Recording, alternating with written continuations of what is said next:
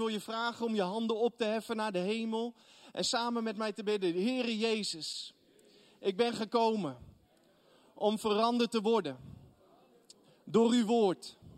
Ik ben geen toeschouwer, ik ben een deelnemer. Ik open mijn oren, zowel mijn natuurlijke oren als mijn geestelijke oren, om te horen wat de geest spreekt vanavond.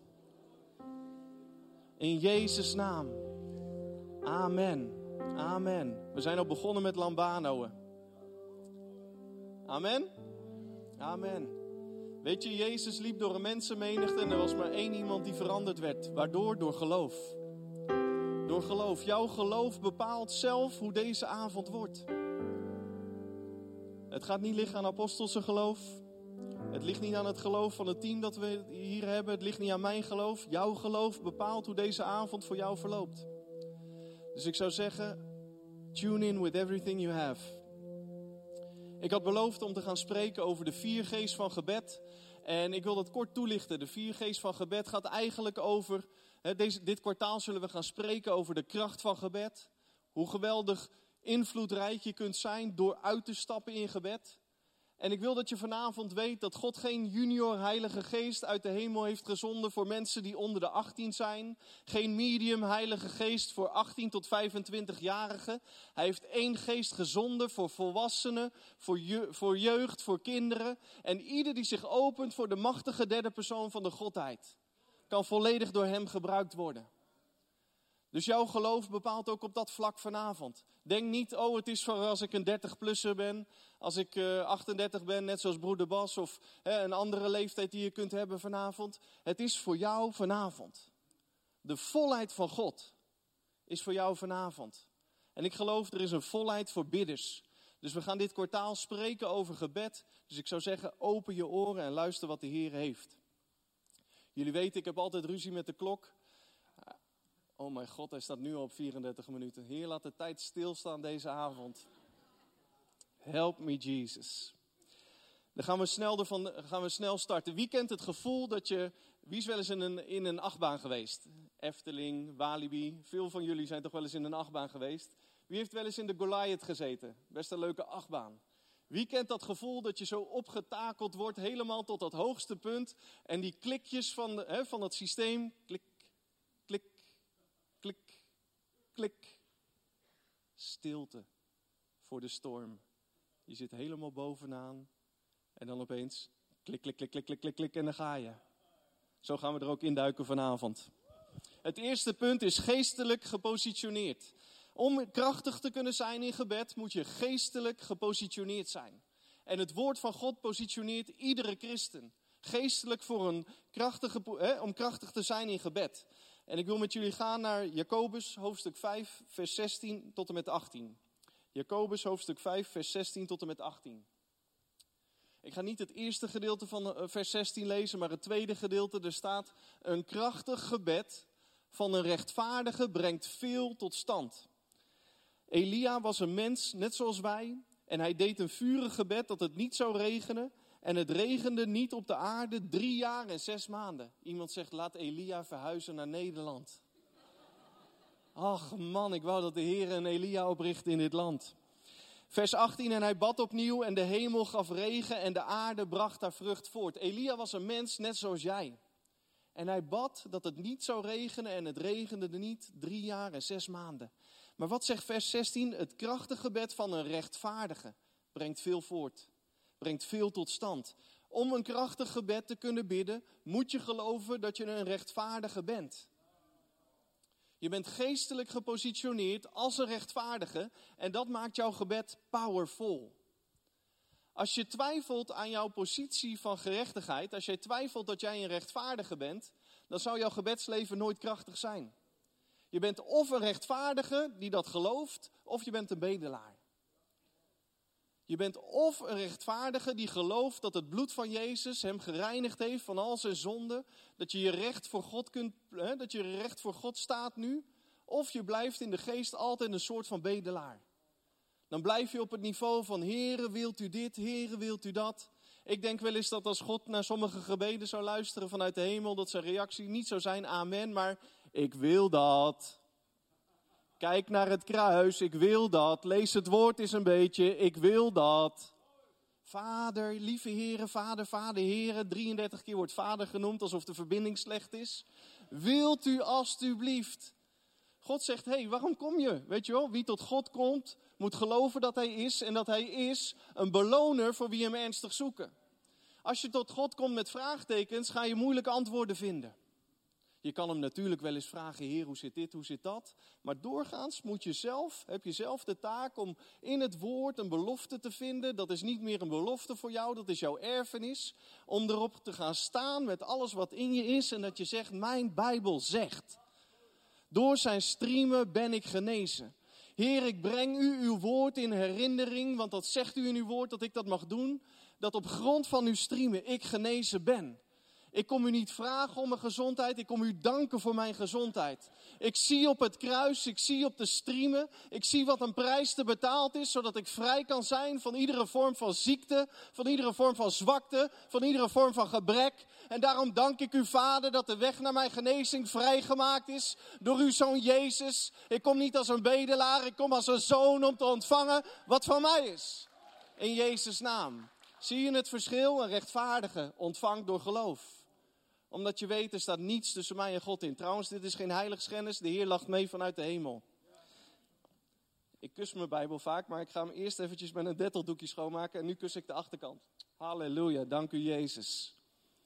Romeinen 5, vers 17 zegt, want als door de overtreding van de ene de dood geregeerd heeft door de ene, veel meer zullen zij, die de overvloed van de genade en van de gave van de gerechtigheid ontvangen, in dit leven regeren door de ene Jezus Christus. Kunnen we het zeggen samen? Veel meer. Veel meer. Veel meer. Zullen zij leven en regeren in dit leven? Wie zegt ik wil regeren in dit leven? Weet je hoe irritant het is om een speelbal te zijn van omstandigheden? Weet je hoe vervelend het is? Wie heeft wel eens vervelende omstandigheden? Groot gedeelte van de zaal heeft wel eens vervelende omstandigheden. Wel, ik heb ook wel eens vervelende omstandigheden. Weet je hoe heerlijk ik het vind dat ik dan niet hoef te denken: oh, wat naar, hoe heeft dit kunnen gebeuren? God, waarom komt mij. Hè? Ik, ik ben ook een pechvogel, waarom gebeurt mij dat altijd? Ik ben blij dat ik niet op die manier hoef te bidden. Ik ben dankbaar dat ik kan vinden in dit woord belofte en daarop gaan staan en te zeggen: Heer, het zal mij gaan naar uw woord. Ik ben een gelovige en geen gevoelige. Dus genade en gerechtigheid, als je notities maakt, is dit mooi om op te schrijven. Genade en gerechtigheid heeft jou gepositioneerd om te regeren. Genade en gerechtigheid heeft jou gepositioneerd om te regeren. Betekent dat dan dat er nooit meer lastige dingen zijn? Nee, zeker niet. Lastige dingen horen gratis bij het leven.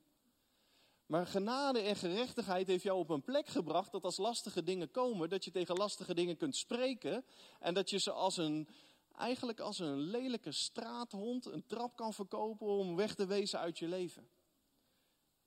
Sommige dingen komen gewoon langs als een DHL uit de hel. En dat wil aanbellen en zeggen: Hier is de hel voor jou.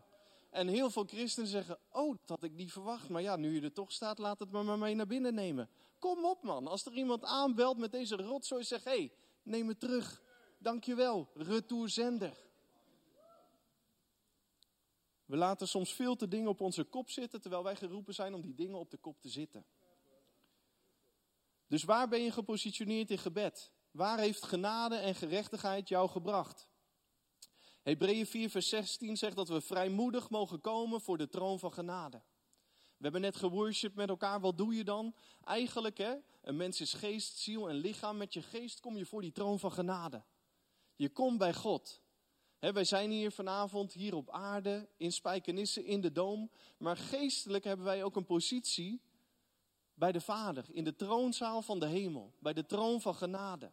En jouw gebed is niet een roep vanuit de aarde naar de hemel toe, in de hoop dat de verbinding open is, in de hoop dat je hard genoeg kunt bidden om de hemel te bereiken. Jouw gebed is vanuit de troonzaal van de hemel. Genade en gerechtigheid heeft jou gepositioneerd om vanuit de troonzaal van de hemel het epicentrum van alle macht en kracht en heerschappij te bidden. Dus bid je vanuit de aarde of bid je vanuit de troonzaal van de hemel? Weet je wat een verschil het maakt of ik, hè, ik, ik ben nog net in de leeftijd dat ik Instagram op mag. Hè? Snapchat, helaas, gewoon. Dat ding geeft gewoon een error. Op het moment dat ik het probeer te downloaden, ben ik te oud voor. Facebook is meer voor mijn ouders, maar Instagram is nog een beetje die sweet spot. Daar kan ik me nog bevinden. Stel je voor dat ik met Instagram live ga vanuit mijn woonkamer. Misschien, ik heb heel veel mensen die van me houden, hè, dat ik 30, 40, 50, 60, misschien een keer 70 mensen heb die die livestream zouden gaan volgen om te horen. Kijk, laat maar kijken wat Bas te zeggen heeft. De positie waarvan ik livestream, hè, dan zien ze live from his living room, denken ze: oké, ja, is aardig. Maar wat als ik livestream vanuit het torentje? Wie weet wat het torentje is, de plek waar Mark Rutte zit? Wat als ik uh, livestream vanuit een paleis?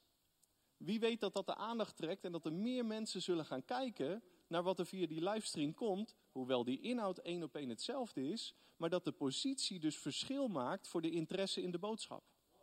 Weet je dat de interesse voor de boodschap van gebed heel anders is wanneer je, wanneer je bidt vanuit je positie in de hemelse gewesten, dan wanneer je bidt als een, hè, als, als een bedelaar vanuit je aardse positie? De plek waar vandaan je bidt maakt all the difference. All the difference. Ik heb opgeschreven, de hel luistert naar gebeden die vanuit de troonzaal worden gebeden. De hel luistert naar gebeden die vanuit de troonzaal worden gebeden. Waarom? Omdat daar de victor zit. De overwinnaar van de eeuwen zit daar. We bidden vanuit onze positie dat we met hem gezeten zijn in de hemelse gewesten. We bidden vanuit de positie dat we met zijn victory zijn opgelijnd. Dus de positie van jouw gebed, je bent geestelijk gepositioneerd om krachtig te bidden. Zie je nooit meer als een roepende hier vanuit de aarde in een poging om Gods aandacht in de hemel te krijgen. Zie jezelf als een volbloed zoon en dochter die bij daddy op schoot samen zit te praten over de omstandigheden daar beneden en zegt zo gaat het gebeuren in de naam van Jezus. Wie is klaar voor de tweede G? De tweede G is gezalfd gebed. Gezalfd gebed. Ons gebed moet gezalfd zijn. Ons gebed is geen verstandelijk bidden. Het is niet een, laat me eens bedenken waar ik over ga praten vandaag. Maar als je het hebt over krachtig gebed, is dat gezalfd gebed, is het geïnspireerd door de Heilige Geest. De Bijbel zegt in Handelingen 1 vers 8, maar gij zult kracht ontvangen wanneer de Heilige Geest over u komt. En gij zult mijn getuige zijn. We hebben dus kracht ontvangen. Hier wordt de nadruk gelegd op getuigen en dat is een hele belangrijke uitlaatklep van die kracht. Maar ook voor gebed geldt dat we gezalfd zijn met power om te bidden. Ik hou ervan wat Jacobus 5, vers 16, wat we net lazen, zegt in, het, in de Amplified vertaling. Misschien dat we hem kunnen. Oh, hij staat er al. Geweldig. Er staat. Um, uh, ja, laatste zin. The earnest, heartfelt, continued prayer of a righteous man makes tremendous power available. The earnest, heartfelt, continuing prayer of a righteous man makes tremendous power available. We hebben net gefocust op dat righteous man, hè, op het zijn van een rechtvaardige. Maar ik wil nu focussen op heartfelt. Heartfelt prayer. Gebed dat opkomt uit je geest. Dit gaat niet over je natuurlijke hart. Ik wijs naar mijn buik, niet naar mijn hart. Iemand denkt, die broer weet niet waar zijn hart zit, joh. Je hart zit links een beetje naar boven. Ja, ik weet het. Ik voel hem kloppen. Dat klopt gelukkig. Maar je geestelijke hart spreekt de Bijbel hierover. Het gaat over gebed dat borrelt uit je geest. Weet je wat hier staat? Hartveld. Niet het thought.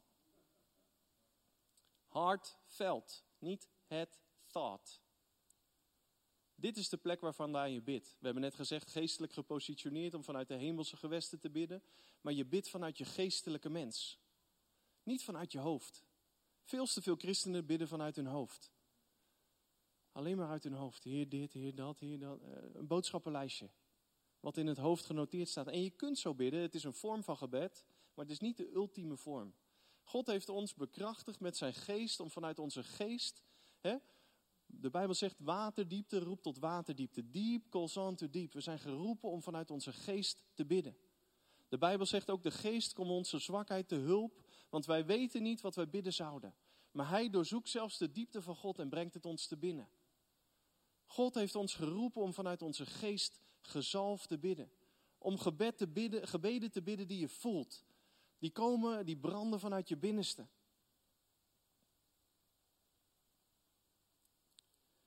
De derde G, ik zei het net al, of eh, ik zei het net al, Romeinen 8, vers 26 en 27, dat is wat de derde G doet. Gericht gebed. Gericht gebed. Gericht gebed. Je gebed is niet zomaar, het is gericht. Je ziet tegenwoordig, zie je vaak hè, in, in, in de setting van oorlogen, zie je dat ze met drones boven het slagveld vliegen.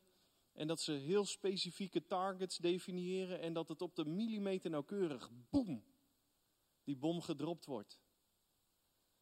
Je ziet ook dat als ze niet die techniek hanteren, dan wordt het een soort van regen van raketten en sommige treffen doel en andere gaan mis. Is eigenlijk zonde van je resources, hè, om maar een beetje op de goede hoop een beetje uit de heup te schieten. Het is veel mooier als je precisie kunt brengen en heel gericht dingen kunt doen. En zo geloof ik ook dat de Heilige Geest ons wil helpen om precisiebombardementen uit te voeren op de stellingen van de vijand. Dat de Heilige Geest ons inzicht wil geven om waarvoor te bidden, voor wie te bidden. En hij doet dit op vele manieren. Het kan zijn dat je de hele week al bezig bent met een collega met wie je werkt, dat die telkens door je gedachten heen flitst. Dat je telkens denkt, joh, hoe zal het met, uh, hoe zal het met uh, zijn? Hoe zou het met Jimmy zijn? Is, soms denken we, dit zijn onze natuurlijke gedachten, maar heel vaak is het de Heilige Geest die praat. Apostel, u zegt het vaak, praat ik, praat hij. Praat ik, praat hij. Als je wederom geboren bent, is jouw geest is verweven met de Heilige Geest. Je bent, één, hè? je bent van één geest gedrenkt, je bent één geworden. Dus heel veel dingen die spelen in jouw leven zijn geïnspireerd door de geest van God. En zijn, de geest van God is zijn stem is niet als een roeptoeter. Bij, bij wijlen, bij tijd en wijlen spreekt hij heel luid en heel duidelijk. In mijn leven meestal als hij me moet corrigeren. Jullie zitten nou met te kijken, broer, jij moet dus gecorrigeerd worden. Ja. Ja, ik word wel eens gecorrigeerd door de Heilige Geest. En dan spreekt hij meestal firm en tough en duidelijk. Maar heel vaak spreekt hij ook zacht. De stille, zachte stem van de Heilige Geest. Waarop je opmerkzaam moet zijn. Je moet leren om die stem te verstaan, te midden van alle stemmen die er zijn in de wereld, om die stille, zachte stem te horen. Mijn vrouw Deborah zit hier in de zaal. Als jullie allemaal zouden gaan praten en zij gaat ook praten, dan hoor ik toch haar stem. Waarom? We hebben zoveel constant contact gehad, dat ik haar stem herken te midden van honderden stemmen. En dat is wat de geest van God ook wil met jullie allemaal individueel. Hij wil dat jullie zo intieme wandel met hem hebben, zoveel constant contact, dat je te midden van alle stemmen die er zijn in de wereld, telkens weer die stille, smalle, dit stil, small voice van de geest zal herkennen. En niet alleen herkennen, maar ook uit zult stappen op die stem. Wat moet je doen als je de hele tijd denkt aan Jimmy? hey, bel Jimmy op. Zeg, hey, hoe gaat het met je? Ik moest aan je denken. Hoe gaat het met je? 9 van de 10 keer zal diegene dan beginnen met: Ja, joh, uh, toevallig dat je belt. Dacht het niet. Dacht het niet. Gericht gebed. Gericht gebed. En dit is geen hogere wiskunde christendom. Dit is niet voor een paar gezalfde mannen en vrouwen van God die, hè, die, die, die beroepsmatig een relatie hebben met de Heilige Geest. Dat die, die moeten op zondag spreken, op woensdag spreken. En alleen, voor, hè, dat, dat alleen deze dingen beschikbaar zijn voor deze mensen. Absoluut niet. Dit is het eerste geboorterecht van iedere zoon en iedere dochter van God. No matter je afkomst, no matter je leeftijd, al ben je zes jaar, al ben je 16 jaar, al ben je 26 jaar, dit hoort, dit hoort normaal christendom voor jou te zijn. De lat voor het christenleven is soms veel te laag gelegd voor jonge mensen. Joh, als onze tieners, als onze jeugd maar niet zwaar in zonde leeft, als ze maar een beetje door die moeilijke tienerjaren heen komen, door die moeilijke jeugdjaren heen komen, als ze maar niet van de weg afdwalen, man, man, man, wat een triest niveau van geloof. Als ik naar deze zaal kijk, dan is mijn gebed niet, ik hoop niet dat ze niet afdwalen. Ik, mijn gebed is dat ik hoop dat ze krachtig opstaan. Dat ze nation shakers zullen zijn. Dat ze op de leeftijd die ze nu zijn, door constant contact met u, geest van de levende God, Christ Talk zullen hebben. Dat vele mensen in hun omgeving zullen zien dat u een levende God bent, omdat u, de, uw wonderwerkende kracht reëel is door deze levens heen. Als je de lat voor je eigen christenleven hebt gelegd op het niveau van geestelijk overleven, dan bid ik dat je die lat optilt vanavond. Dat je zegt, je hebt laag gelegen, maar ik gooi je richting de hemel. Want het niveau van de hemel is het niveau wat God voor mij bestemd heeft. En als je dat gelooft, dan wil ik vragen om er een moment bij te gaan staan. Je geloof te activeren, een klapoffer te geven. En zeggen, ja Heer, dat gaat over mij. Halleluja. We hebben geen toeschouwers in deze zaal, we hebben alleen maar deelnemers. Vergis je niet, jij bepaalt zelf. Jij bepaalt zelf. Mijn enthousiasme maakt helemaal geen verschil als het niet gemengd wordt met jouw geloof. Halleluja. We waren bij gericht gebed. U mag er weer bij gaan zitten hoor. Romeinen 8, vers 26 en 27. En evenzo komt ook de geest onze zwakheden te hulp. Ik noemde het net al, want wij weten niet wat wij bidden zullen zoals het behoort. Wij weten niet. Je hersenen zijn geweldig, maar ze zijn ook beperkt. Wie heeft al ontdekt dat je hoofd niet gemaakt is om te sturen? Ik zeg dit vaak tegen collega's, dan zitten ze me aan te kijken, je bent echt een vreemde gast, man. Ik zeg, je hoofd is niet gemaakt om mee te sturen, je bent gemaakt om hiermee te sturen. God heeft je hoofd nooit gemaakt om je leven te besturen. Nooit. In de scheppingsorde van God heeft het, heeft het hoofd, heeft de ratio, heeft je, al je verstand, heeft die plek niet. Je geest is gemaakt om je te navigeren door dit leven en je hoofd mag op zijn hoogst een beetje bijsturen. Dat is de plek van je hoofd. Veel te veel christenen leven een hoofdgestuurd christenleven. Man, man, man, man, man. Je zit op een triest niveau. Je bent gemaakt om geleid te worden door de geest van God. Evenzo je gebed. De geest komt onze zwakheid te hulp, want wij weten niet wat we bidden zullen. Als iemand tegen me zegt, ik weet niet waarvoor ik moet bidden, dan denk ik, ik geef je de hand. Ik ook niet. Sterker nog, de Bijbel zegt het. Maar de geest komt onze zwakheid te hulp. Wat zegt het nog meer? De geest zelf echter pleit voor ons met onuitsprekelijke verzuchtingen. En hij die de harten doorzoekt, weet wat het denken van de geest is, omdat hij naar de wil van God voor de heilige pleit. Door te bidden in de heilige geest, door te bidden in die bovennatuurlijke taal. Wie hier is vervuld met de heilige geest en spreekt in andere tongen? Wel geweldig, gebruik die sleutel. Gebruik die sleutel, want de Bijbel zegt dat we met ons hoofd niet per se weten waarvoor we moeten bidden. Soms kun je wel voor bepaalde dingen bidden. Ik heb wel eens gehad, gedacht, ik denk, ik ga een uur bidden, man. Halleluja. Jonge christen, on fire. Ik denk, ik ga een uur bidden. En ik begon, Heer, ik bid voor mijn ouders en mijn familie en voor Rotterdam en Nederland en de wereld. En toen dacht ik, ja, een kwartiertje gebeden. Ik weet eigenlijk niet zo goed meer waar ik voor moet bidden. Maar toen ontdekte ik de sleutel van bidden in, in, in de Heilige Geest. En dan is een uur zo voorbij gevlogen. Hey, soms is twee uur zelfs zo voorbij gevlogen. Ik heb soms lange autoritten en ik begin te bidden in tongen. Ik zet meestal mijn zonnebril op, want ik weet hoe het is bij mij. Als ik begin te, bidden in andere tongen, komt er een moment dat ik heel enthousiast word. 9 van de 10 keer begin ik te huilen. Dus dan in ieder geval heb ik een zonnebril. Dat als ik in een file terechtkom, dat mensen niet denken van man, we moeten hè, even bellen voor die gozer. Want uh, volgens mij moeten ze een kamer voor hem gaan reserveren in Delta, want die spoort echt niet. Dus dan zet ik mijn zonnebril vast op en dan, nou ja, ergens komen die tranen langs die zonnebril vooruit, weet je. Een kleinigheidje hou je toch. Maar wat gebeurt er? Je gaat bidden in die geestelijke taal. Marayonto. Marandiste. En je begint zo te bidden in die tongentaal en op een gegeven moment ben je misschien een kwartier aan het bidden. En dan zeg je, ik bid voor Piet. Heer, ik bid dat u zijn longen nu op dit moment aanraakt. In de naam van Jezus, ik bid dat uw opstandingsleven zich manifesteert.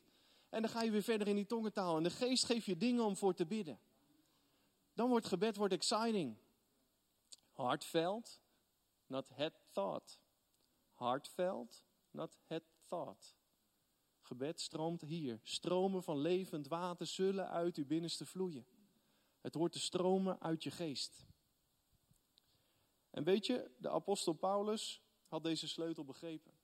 Hij zegt in 1 Korinthe 14, vers 18, hij zegt, ik dank mijn God dat ik meer in andere talen, sprekende over bidden in de geest, spreek dan u allen. Hij zegt daarna, hè, ik, in, in, in de gemeente, als ik aan het preken ben, dan praat ik gewoon hè, in mijn eigen taal, in het Grieks of, wat hij, hè, of in het Hebreeuws. Maar als ik aan het bidden ben, ik dank God dat ik, dat ik meer in andere talen spreek dan u allen. Hij had die sleutel begrepen. Weet je dat door te bidden in, in, in de Heilige Geest, dat je soms gewoon openbaringskennis krijgt, dat die ideeën stromen? Ik heb wel eens gehad dat ik problemen had in een werksetting, dat ik dacht, ik weet niet hoe ik dit op moest lossen. En ik begon te bidden in die andere talen en op een gegeven moment dacht ik, dit is het idee. Wat doe je eigenlijk? Je zet de downloadserver aan. Je, bent je kunt gewoon downloaden uit de hemel. De Bijbel zegt in het Engels, ik weet even niet waar het staat, er staat, I have an unction from the Holy One and I know all things. In het Nederlands staat er, door gij, gij hebt een indruk van de Heilige en gij weet alle dingen.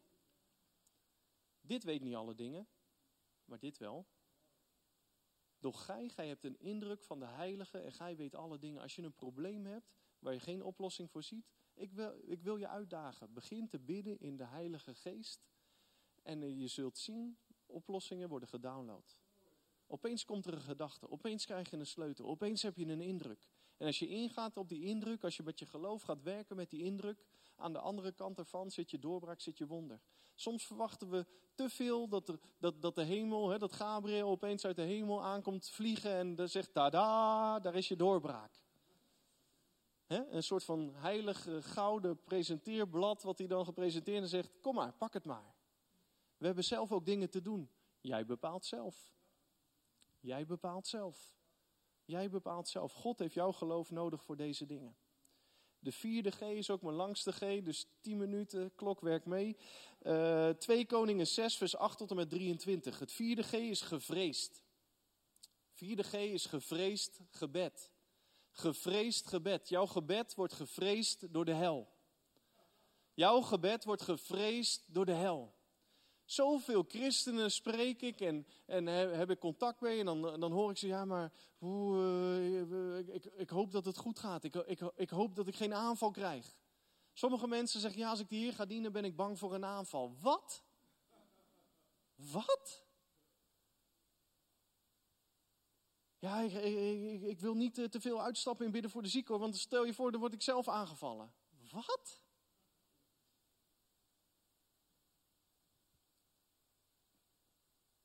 Het woord van God zegt dat, dat de poorten van de hel de gemeente niet zullen overweldigen. En in Nederland staat dat zo jammer opgeschreven.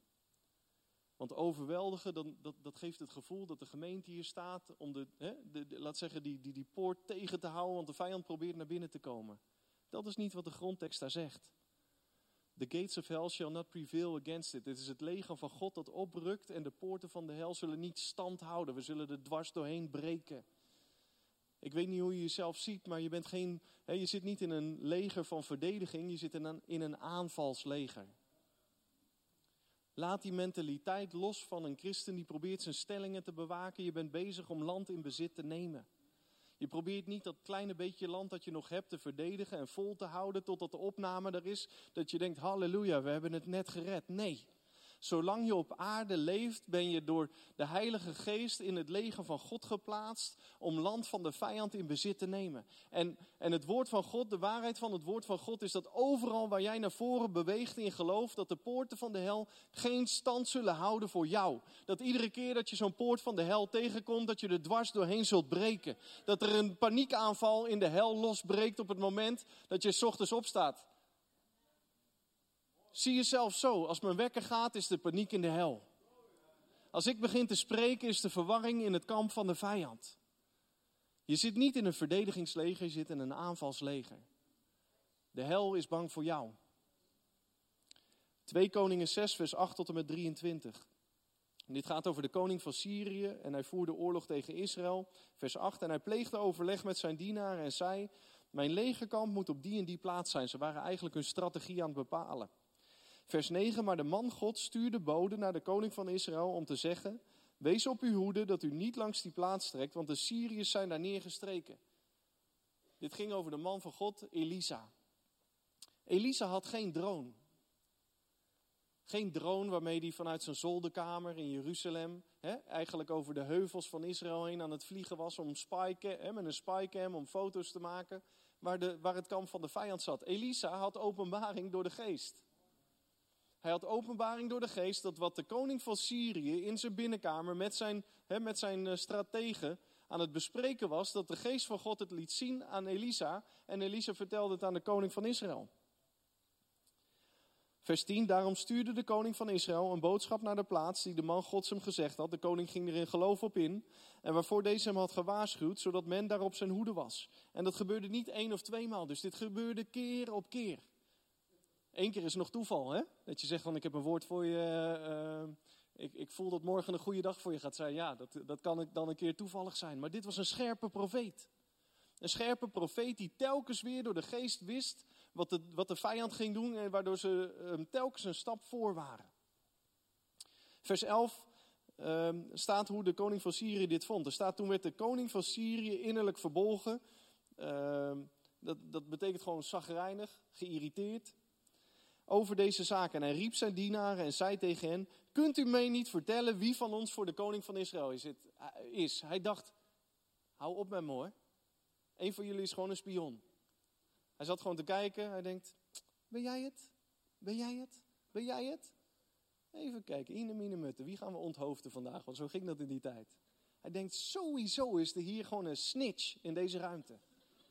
Sowieso, gewoon een vieze snitch die gewoon elke keer dat ik zeg dit en dit gaan we doen, stuurt hij een duif met een eh, briefje eraan naar Israël toe en, en, en weten ze wat er gebeurt. En ik snap die koning. Het gebeurde niet één of twee maal, het gebeurde keer op keer. Keer op keer. Is ook irritant hè, als je een land wil veroveren. En een van zijn dienaren zei: Nee, mijn heer koning, maar Elisa, de profeet die in Israël is, maakt de koning van Israël de woorden bekend die u in uw slaapkamer spreekt. Lastig. Lastig als je zo iemand hebt bij de vijand. Hij zei toen: Ga op weg en kijk waar hij is, zodat ik er bode op uit kan sturen en hem kan laten halen. En hem werd daarop verteld: Zie, hij is in Dothan in een plaats. En hij stuurde daar toen paarden en strijdwagens heen en een groot leger. Die kwamen s'nachts en omsingelden de stad. En de dienaar van de man God stond heel vroeg op en ging naar buiten. En zie, een leger met paarden en strijdwagens omringde de stad. Toen zei zijn knecht tegen hem: Ach, mijn heer, wat moeten wij doen? Wie snapt die knecht? Je hebt heerlijk geslapen, je wordt wakker, gordijnen open en oh man. Een heel leger met vijanden. En die knecht had gezien wat Elisa telkens deed, dus hij wist ook waarvoor ze kwamen. Dat was niet om Elisa te, te, feliciteren met zijn geweldige profetische salving. Niet op op één knie te gaan en te vragen: Man van God, leg mij de handen op, ik wil die gave ook ontvangen. Ze kwamen daar gewoon om Elisa een kopje kleiner te maken.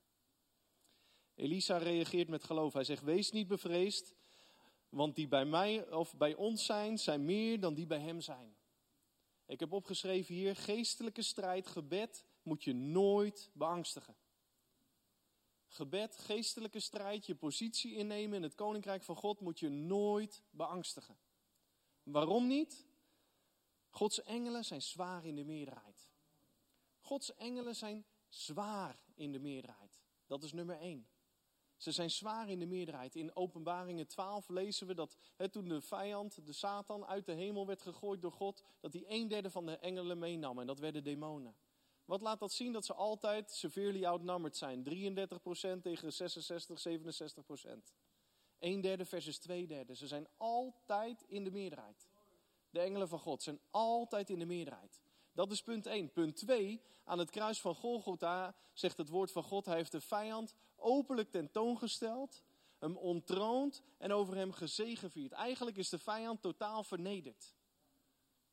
De overwinning is reeds behaald dus, behaald. dus iedere geestelijke strijd die wij voeren, voeren vanuit de totale overwinning van het kruis van Golgotha. In de minderheid en overwonnen. Klinkt niet als een vijand waar je al te veel van, hè, waar je geen angst voor moet hebben. Elisa bad en zei: Heere, open toch zijn ogen zodat hij ziet. En de Heere opende de ogen van de knecht, zodat hij zag en zie, de berg was vol met paarden en strijdwagens van vuur rondom Elisa. Dit was gewoon engelenbescherming rondom Elisa. En weet je dat God ook engelen heeft die jou beschermen? De Bijbel zegt, engelen zijn gedienstige knechten die er zijn om de kinderen van het hel te beschermen. Gedienstige knechten die er zijn om de kinderen van het hel te dienen. Kinderen van het hel, dat zijn wij. God heeft gewoon engelen die die opdrachten geeft om jou te beschermen. Hoe geweldig is dat? En die zijn dus zwaar in de meerderheid ten opzichte van alle duistere machten die er zijn in deze wereld. Geestelijke strijd moet je nooit beangstigen. Vers 18, toen de Syriërs naar hem afdaalden, bad Elisa tot de Heer en zei, sla dit volk toch met blindheid. En hij sloeg hen, hoofdletter H, dus gaat over God, met blindheid overeenkomstig het woord van Elisa. Nou, alsjeblieft, de volgende keer dat je ruzie hebt op een voetbalveld of op een schoolplein, zeg niet van, oh ik heb geleerd van broeder Bas dat mijn gebed gevreesd is. Dat je zegt, Heer, sla diegene met blindheid. Alsjeblieft, doe het niet. Alsje, alsjeblieft, doe het niet. Het Oude Testament laat eigenlijk in plaatjes zien wat de geestelijke realiteit is van het Nieuwe Testament. En het Nieuwe Testament laat zien dat onze strijd is niet tegen vlees en bloed, maar tegen de overheden en tegen de machten van de duisternis. Dus de goede toepassing van deze tekst in onze nieuwtestamentische positie is dat als de tegenstand is, dat je zegt, Heer, sla die rotgeest die erachter zit met blindheid.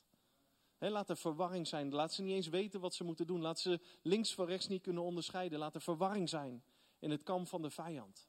Dat is de geestelijke toepassing voor ons als wederom geboren kinderen. Vers 19 laat, zegt Elisa loopt naar ze toe. Elisa was wel een geloofsheld, hè? Want hij had uitgesproken, laat ze met blindheid geslagen zijn. Maar ja, het was een aardig leger. Als er nou net eentje niet met blindheid was geslagen. Hè?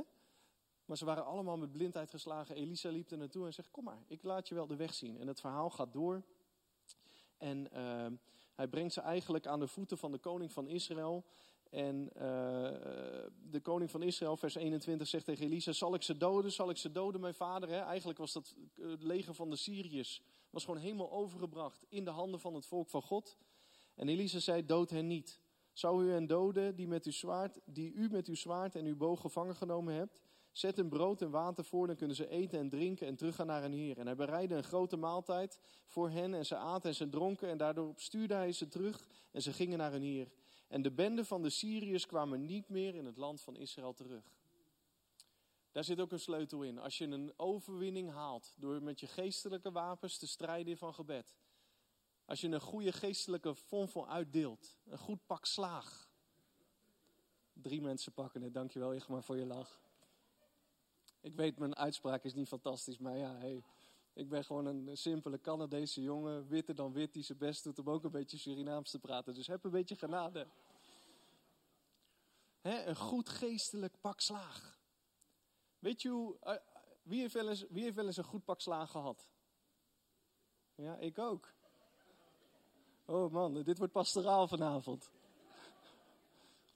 Degene die zijn hand op heeft, als je ernaast zit, leg een hand op de schouder. Zeg ik bid voor je broer. Laat de Heer al je wonden helen. Als je een pak slagen gehad hebt, dan heb je meestal geen zin om terug te gaan naar diegene die een pak slagen gegeven heeft, toch?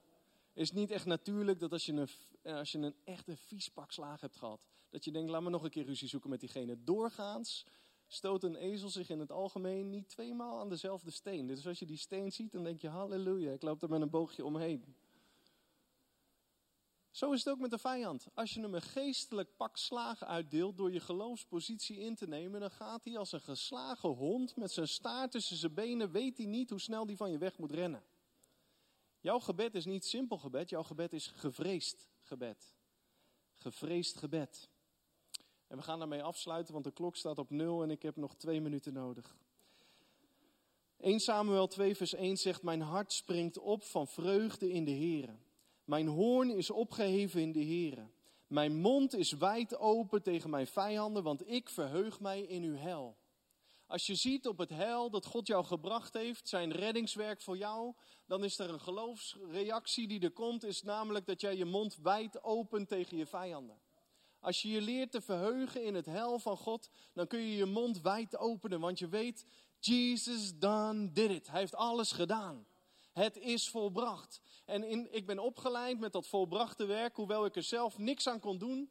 Heeft hij mij dat gegeven door genade? Is zijn gunst op mij gekomen?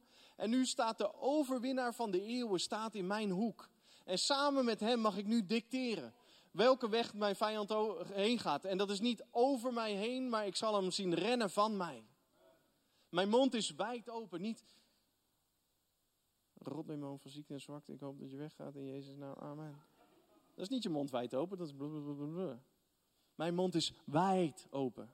Mijn mond is wijd open tegen mijn vijanden. Waarom? Omdat er een wijde weg bereid is door het offer van Jezus Christus. Er is geen kleine overwinning behaald. Er is niet één klap uitgedeeld. Er is een ontzettende grote rechte hoek op zijn kaak beland. Hij is knock-out gegaan op de grond en hij is klaar. KO. Done with. Daarom is onze mond wijd open tegen onze vijanden. Als je bidt, bid alsjeblieft geen wimpy prayers. Bid grote gebeden. God is een grote en goede en geweldig machtige God. En laat het gebed van al zijn kinderen die hier zijn vanavond zijn aard weerspiegelen door zo te bidden. Psalm 149, vers 6 tot en met 9 zegt in vers 6: Gods lofzangen klinken uit hun mond. Een tweesnijdend zwaard is in hun hand. Gods lofzang is wat we vanavond gedaan hebben. We hebben geworshipped. Worshipped positioneert je om vanuit die hemelse gewesten te bidden. Doorgaans als ik in gebed ga, ik ga eerst de Heer aanbidden. Waarom? Het positioneert mijn gebed. Het positioneert je om vanuit de troonzaal te bidden. Een tweesnijdend zwaard is in hun hand. Wat is dat tweesnijdende zwaard? Dat is dit woord van God, de Bijbel. Je kunt pas met een zwaard aan de gang als je weet wat het woord van God over jou zegt. Vind een tekst. De apostel, het blijft krachtig. De tekst in de test bepaalt je succes. De tekst in de test bepaalt je succes. De tekst in de test bepaalt je succes. Je moet een tekst vinden en dan is het een tweesnijdend zwaard. Het is niet een eensnijdend zwaard, het is een tweesnijdend zwaard. Een tweesnijdend zwaard heeft het karakter dat je niet net aan de goede kant moet meppen om schade te doen. Nee, het is hoe je ook steekt. Het heeft power, want het doordringt. Het snijdt aan twee kanten. En wat zijn die twee kanten? De ene kant is God heeft gesproken. God heeft gesproken. Dit is het geschreven woord van God omdat het het gesproken woord van God was. God heeft dit woord gesproken. Dat is één kant van het zwaard. Maar de andere kant van dat zwaard is jij spreekt. Hij spreekt, jij spreekt. Hij spreekt, jij spreekt. Een tweesnijdend zwaard. Het is het rema-woord van God. Het gesproken woord van God. En vers 7 laat zien wat het doet. Het staat om wraak te oefenen over de heidevolken. Bestraffing, bestraffingen over de natieën. Vers 8 om hun koningen te binden met ketenen en hun aanzienlijke met ijzeren boeien. Vers 9 om het beschreven recht aan hen te voltrekken. En nogmaals, dit gaat niet over natuurlijke mensen. Dit gaat niet over natuurlijke koninkrijken. Dit gaat niet over natuurlijke machtsstructuren. Dit gaat over geestelijke structuren. De Bijbel laat zien, er zijn overheden, machten en tronen, ook in de kant van de duisternis. Maar wij hebben kracht gegeven van God om met een tweesnijdend zwaard wat het vers 9 zegt, het beschreven recht aan hen te voltrekken. Wat is dat beschreven recht? Dat beschreven recht is bijvoorbeeld dat, hè, dat het woord van God zegt dat armoede is een vloek. Armoede is een vloek. Daarom zegt Deuteronomium 8, vers 18: Hij heeft u macht gegeven om rijkdom te verwerven. Wat is dat? Dat is een zwaard in jouw hand. Misschien heb je in de generaties die voor je zijn armoede gekend. Hè? Hebben je ouders het moeilijk gehad? Is dat een verhaal wat ook speelde voor je opa en oma? Wel, dan heb jij een tweesnijdend zwaard in je handen met Deuteronomium 8, vers 18. De, de, de hemel proclameert over jou. Dat je macht hebt gekregen om rijkdom te verwerven. En dat is ook wat jij kunt doen in gebed. Je kunt gaan staan en zeggen: deze, deze cycle van armoede, het stopt bij mij in de naam van Jezus. Ik ben niet verantwoordelijk voor wat er geweest is in de generaties voor mij. Ik heb gezien dat ze hun best hebben gedaan, dat met wat ze wisten ze geprobeerd hebben om hun leven te beteren.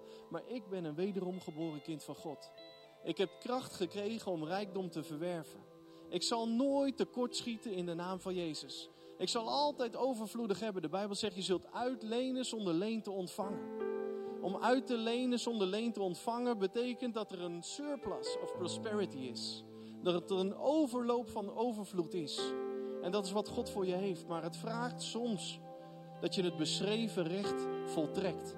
Dat je gewoon spreekt tegen de atmosfeer en zegt in de naam van Jezus. Pour no more. Ik zal hier doorheen breken in de naam van Jezus. Ik zal alleen overvloed kennen. Mijn dagen zullen gekenmerkt worden door dagen van overvloed. Ik zal gaan van glorie tot glorie. Van kracht tot kracht. Van overwinning tot overwinning. Alles wat ik onderneem zal gelukken in de naam van Jezus. Soms zijn dit gebeden die je voor jezelf moet bidden.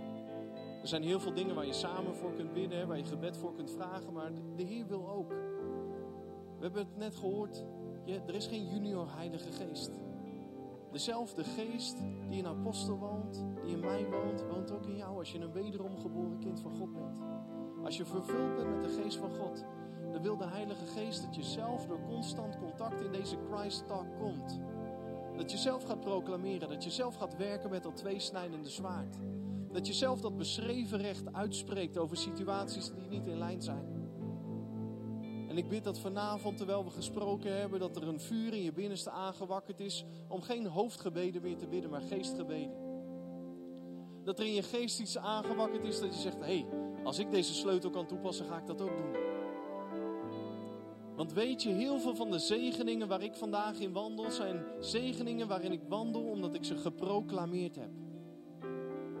God is een voorzienende God, maar wij, wij kunnen ook dingen voorzien. Wij kunnen dingen van tevoren zien en van tevoren plannen van de vijand verijdelen. Van tevoren het leven van God vrijzetten over onze levens. Van tevoren bidden voor mensen om je heen. Ook voor de volgende PPY, als je misschien twee, drie mensen in gedachten hebt om ze uit te nodigen. Het is goed om die natuurlijke handeling te doen, om een, hè, een, een, een berichtje te sturen, een direct message te sturen, et cetera. Maar bid voor deze mensen. Zeg, Heer, ik geloof dat u ze harten bereikt. Dat u hun harten hongerig maakt om uw woord te horen. Ik dank u, Heer, dat ze fed up zullen zijn met de dingen van deze wereld. Dat ze moe zullen worden van alles wat deze wereld hen te bieden heeft. En dat ze hongerig zullen zijn naar dat echte ding. Wat ben je aan het doen? Je bent als het ware harten aan het bereiken op die manier. En natuurlijk is het goed om ze daarna uit te nodigen. Maar bid ook voor ze. Sta op de bres voor mensen om je heen. Ga in je autoriteit staan. Zeg, niemand van mijn vrienden zullen verloren gaan. Ze zullen allemaal u leren kennen, koning Jezus. Datzelfde leven wat ik omarmd heb. Laten hen dat ook omarmen in Jezus' naam.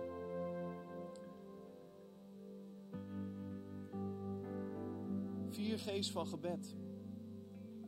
Ons gebed is geroepen om niet alleen gevreesd te zijn, om niet alleen gericht te zijn, om niet alleen gezalfd te zijn, maar ook om gepositioneerd te zijn. Gepositioneerd gebed, gezalfd gebed, gericht gebed, gevreesd gebed. En er zit een volgordelijkheid in. Je moet beginnen met je positie, wie je bent in Hem.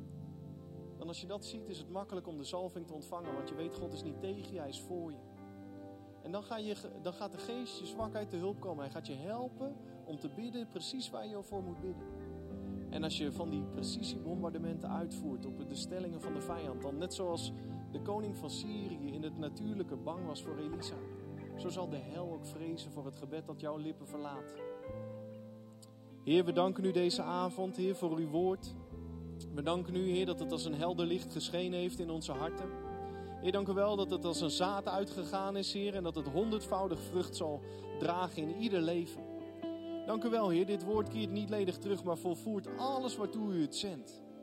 En ik dank u, Jezus, voor geestelijke overwinningen die samenhangen met het uitstappen op dit woord.